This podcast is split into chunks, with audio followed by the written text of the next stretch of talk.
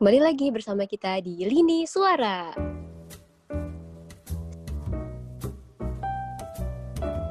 Setiap orang yang telah memasuki dunia universitas pastinya memiliki target atau tujuan tertentu, entah itu di bidang akademis atau di bidang organisasi. Setiap orang memiliki goalsnya tersendiri. Ada yang memiliki cita-cita untuk menjadi seorang cum laude, ada juga yang ingin bisa aktif di berbagai organisasi ketika kuliah, dan masih banyak lagi. Nah, kali ini kita kedatangan narasumber yang sangat luar biasa. Kak Angga Fauzan, seorang pendiri dari komunitas Boyolali Bergerak yang dulu berkuliah di Institut Teknologi Bandung dan juga Edinburgh University. Oke, selamat datang Kak Angga. Halo, halo, apa kabar? Halo, alhamdulillah baik Kak. Oke, sebelumnya aku perkenalan diri dulu. Namaku Giani Fadiahaya. Di sini uh, kira-kira nih ya Kak Angga, mungkin kita bisa langsung mulai aja kali ya Kak pembahasannya. Boleh, Oke, jadi di sini uh, Kak Angga ini kan ya uh, perlu teman-teman ketahui bukan hanya seorang founder dari komunitas Boyolali Bergerak, tapi ketika kuliah beliau pun juga aktif loh sebagai delegasi terbaik Indonesia Leadership Camp UI 2013, XL Future Leaders Angkatan 3, Top 18 Nutrifood Leadership Award 2014, terus juga ikut sebagai kemitraan Putra Daerah Membangun, Sosial Masyarakat di Rumah Millennials, dan masih banyak lagi. Ketua Panitia Pemilu KM ITB pun juga. Jadi Kak Angga ini begitu aktif ya ketika kuliah. Kira-kira uh, kita, uh, aku penasaran nih Kak, dulu waktu kakak kuliah, kakak ini pas masuk ITB deh, let's say, apa uh, yang pertama kali kakak inginkan gitu ketika kakak menginjakan diri di ITB? Apakah aku ingin ketika nanti lulus menjadi mahasiswa yang cum laude dengan IPK yang bagus, atau misalnya aku ingin ketika kuliah aku aktif di berbagai organisasi dan berdampak buat masyarakat, atau apa kak kira-kira? Jadi sebenarnya tujuan aku ketika awal mulai masuk ITB adalah pengen jadi mapres. Beneran kayak uh, dulu waktu awal mula uh, ditunjukin tuh uh, masuk baru ITB ditunjukin siapa mahasiswa berprestasinya dari senior lah ya di senior ditunjukin terus kemudian aku berpikir aku mau jadi mapres deh gitu. Nah cuma uh, sambil berjalan waktu ternyata nggak bisa nggak bisa karena uh, di tempatku di fakultas atau departemenku itu uh, mapresnya itu ditunjuk sama dosen. Jadi untuk ekoseleksi ditunjuk sementara fakultas lain tuh ada yang mengajukan diri, kebayang nggak? Jadi yang lain tuh ada yang mengajukan diri, diseleksi dengan syarat tertentu dan sebagainya. Cuma di, di aku ditunjuk dan bahkan aku juga nggak tahu ada yang penunjukan tadi dan sebagainya. Terus kayak bersedih tuh, bersedih kayak drop, eh, nggak uh, bisa menggapai yang diinginkan. Ya udah, akhirnya cari cita-cita lain gitu. Jadi tertutup ya pada saat itu untuk pemilihan mapres di jurusan kakak gitu. Akhirnya cita-cita apa target lainnya nih apa nih kak? Yang tadi kakak bilang. Target lainnya adalah waktu itu uh, aku punya cita-cita dalam satu tahun bisa lima kali keluar negeri. Eh, oh. dalam selama kali selama kuliah di ITB, selama kuliah di ITB bisa lima kali keluar negeri dan akhirnya tercapai. Jadi di tahun 2014 ketika aku di akhir tingkat 2 dan awal tingkat 3 dalam satu tahun aku lima kali keluar uh, dengan berbagai macam kegiatan ada lomba ada exchange ada pertukaran budaya dan sebagainya. Dan aku nggak bayar sama sekali gitu. Jadi memang dapat banyak uh, bantuan dan sebagainya kayak gitu. Oke, berarti kakak akhirnya untuk mimpi yang kedua ini kakak bisa mewujudkannya ya lima kali ke luar negeri dan itu bahkan fully funded ya kak? Fully wow, funded, keren banget.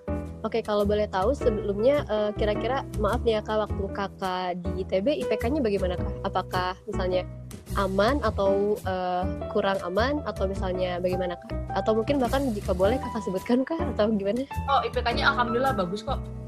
Oh iya, alhamdulillah berapa kak kalau boleh tahu? bagus 3,4an. Aku uh, jeblok di satu mata kuliah karena waktu itu aku jadi ketua pemira. Waktu itu aku oh, jadi iya. raya KMITB, itu aku ngambil 24 SKS Wow, keren. Nah, waktu itu uh, ketua pemilu level kampus ngambil 24 SKS karena waktu itu aku nggak nggak tahu bahwa aku bakal jadi ketua pemilu kan. Jadi kayak udah diambil aja tuh 24 SKS. Karena uh, sebagai mahasiswa bidik misi aku melihat ya kuliah di ITB aku udah digratisin nih gitu kan. Kebayang nggak kayak uh, kan kalau misalkan bayar SKS aku nggak perlu bayar karena memang udah dibayar gitu kan. Terus aku pikir hmm. kenapa aku nggak ambil untuk mengambil. ya sama yeah. mungkin. Uh, terus kemudian eh di tengah jalan aku di dia percaya jadi ketua pemira eh SKS nggak boleh nggak bisa kita ubah dong kan di tengah jalan. Terus Mm-mm. akhirnya berarti ganggu. Kak Angga sempat kewalahan kan blok. Sempat sempat.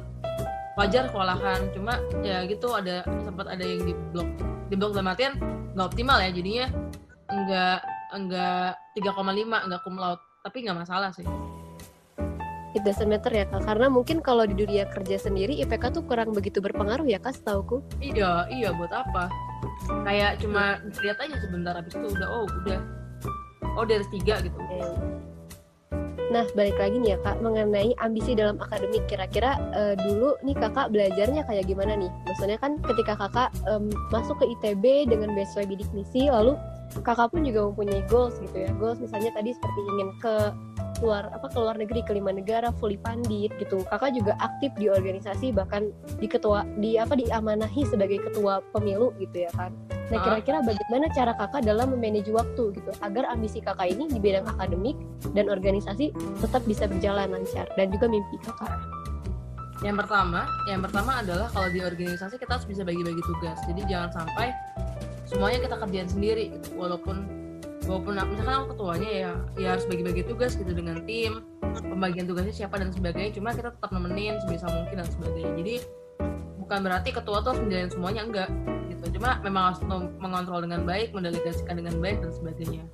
Kedua kalau tugas kuliah tentu harus sadar. Minimal sadar dulu eh, ini tugas seberapa berat, ini tugas kira-kira butuh waktu lama berapa lama pengerjaannya dan sebagainya. Karena kadang kita nggak sadar loh, kadang kita nggak sadar, ah ini mah gampang ternyata susah. Atau kita mikir eh deadline-nya ternyata masih lama, eh ternyata sebentar lagi dan sebagainya. Jadi yang pertama yang pertama kita harus sadar, aware sama tugas-tugas kita, beban-beban kita sama kemampuan kita juga tentunya. Semampu apa sih kita mengerjakan tugas-tugas ini dan seterusnya. Yang kedua adalah mencicil. Mencicil tuh menurut aku mencicil nggak pernah bohong jadi ketika kita bisa mencicil dengan baik mencicil dengan benar dan sebagainya ya uh, bakal ketolong gitu kan. Dan itu yang bantu aku banget. Jadi ketika aku lagi lowong ya aku cicil pelan pelan gitu. Dan itu ngebantu Jadi pokoknya banget. sangat menghindari SKS ya. Uh, uh, aku nggak suka sih SKS itu yang ngebantu aku banget ketika aku kuliah ke, UK tuh. Ketika kuliah ke UK aku udah terbiasa kayak gitu sehingga yang aku lakuin adalah aku menunggu deadline malah. Wow, Jadi keren. waktu jadinya tugas akhir terbiasa ya. Mm, ketika tugas akhir kuliah tuh disertasi kalau di UK namanya. Ya Mm-mm. uh, disertasi tuh kalau tugas akhir atau skripsi lah istilahnya itu aku dua minggu sebelum deadline udah kelar. Wih keren. jadi dua minggu sebelum pengumuman udah kelar dan kayak ya udah tinggal nungguin kitanya Ini jadi nyantai ya. Jadi nggak deadlineer dan nggak panik. Nah, Jadi nggak paling, pusing gitu ya. hmm, paling nanti tinggal ngecek ngecekin tinggal revisi revisi sedikit atau ditinggal bentar ntar dibaca lagi gitu gitu Nah boleh banget nih buat teman-teman semua tips dari Kak Angga ini kita terapin dari sekarang. Buat teman-teman yang deadlineer dari sekarang, ayo cicil biar kita nggak kewalahan ya kan Kak. yoi Nah, eh, BTW lagi nih Kak, eh, mengenai tadi kan Kakak itu mimpinya untuk bisa ke lima negara bahkan fully pandit yaitu benar-benar prestasi yang sangat luar biasa dan Kakak dapatkan itu di saat kuliah.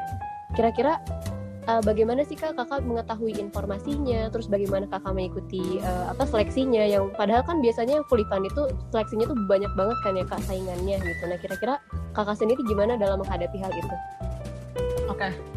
Hmm, yang pertama adalah kita harus punya jejaring yang baik. Karena kalau di ITB sendiri itu ada kantornya, namanya ITB Relation Office. Jadi kita perlu sering ke sana ngobrol-ngobrol, cek website dan sebagainya. Yang kedua, praktis nyari sih. Di, sebenarnya di internet pun banyak dan aku pun eh, selama sepanjang kuliah juga eh, ba- banyak yang terlewat gitu. Banyak kebayang gak sih aku aku aja yang udah lima kali keluar tuh masih ngerasa sebenarnya masih banyak banget informasi-informasi yang aku lewat kayak oh ternyata pendaftaran udah lewat atau ternyata eh, apa namanya kitanya belum nyiapin dengan baik dan sebagainya dan seterusnya jadi sebenarnya informasi itu sebanyak itu gitu. nah tugas kita lah menjadi proaktif menjadi diri yang bisa menyiapkan sebaik mungkin sama hal tadi gitu loh lebih ke situ sebenarnya Oh iya, I.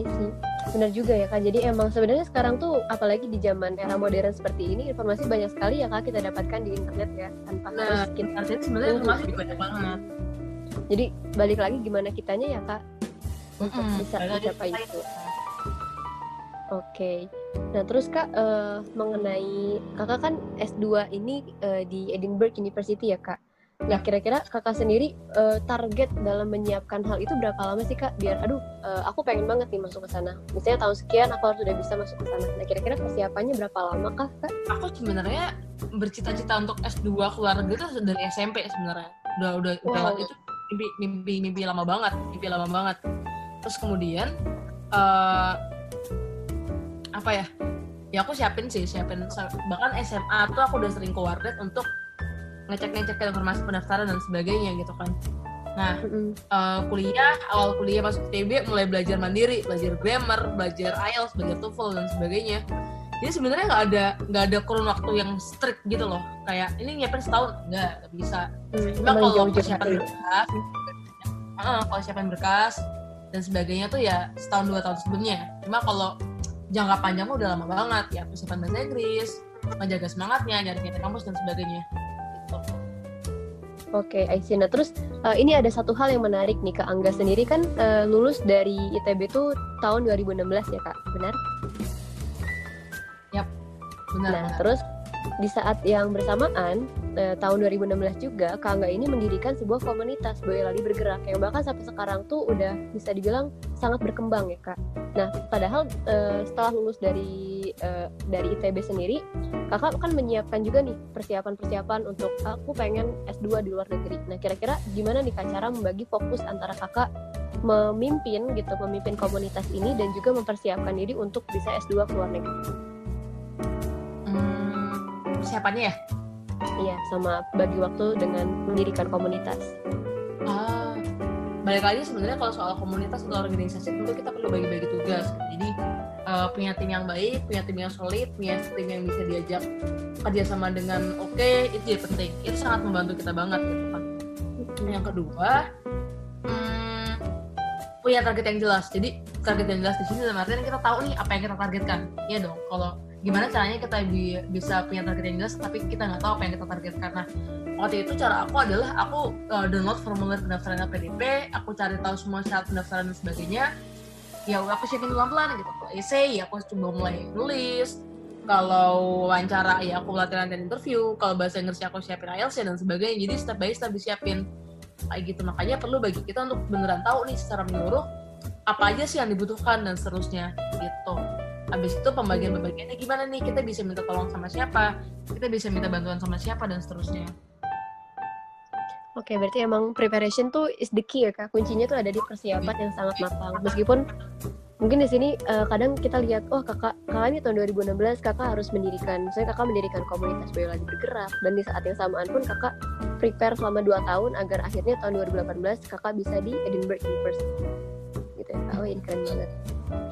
Oke, kira-kira nih ya kak, uh, ada tips-tips khusus kah dari kakak buat kita kita di sini dalam mendapatkan beasiswa? Nih kira-kira apa aja nih kak buat pendengar biar kita semakin semangat dan tahu tips and trick. Hmm, pertama sih jujur sama diri sendiri. Maksudnya apakah kita benar-benar membutuhkan itu atau enggak?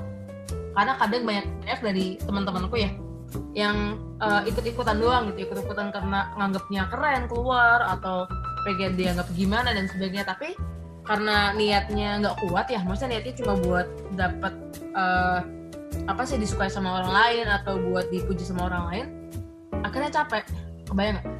akhirnya capek sendiri gitu. jadi ibaratnya kalau naik kendaraan tuh bensinnya nggak banyak gitu kan. Bensinnya nggak banyak kendaraannya spare partnya nggak oke okay, tapi dipaksa ngebut gitu loh. Jadinya ya jadinya kalah gitu.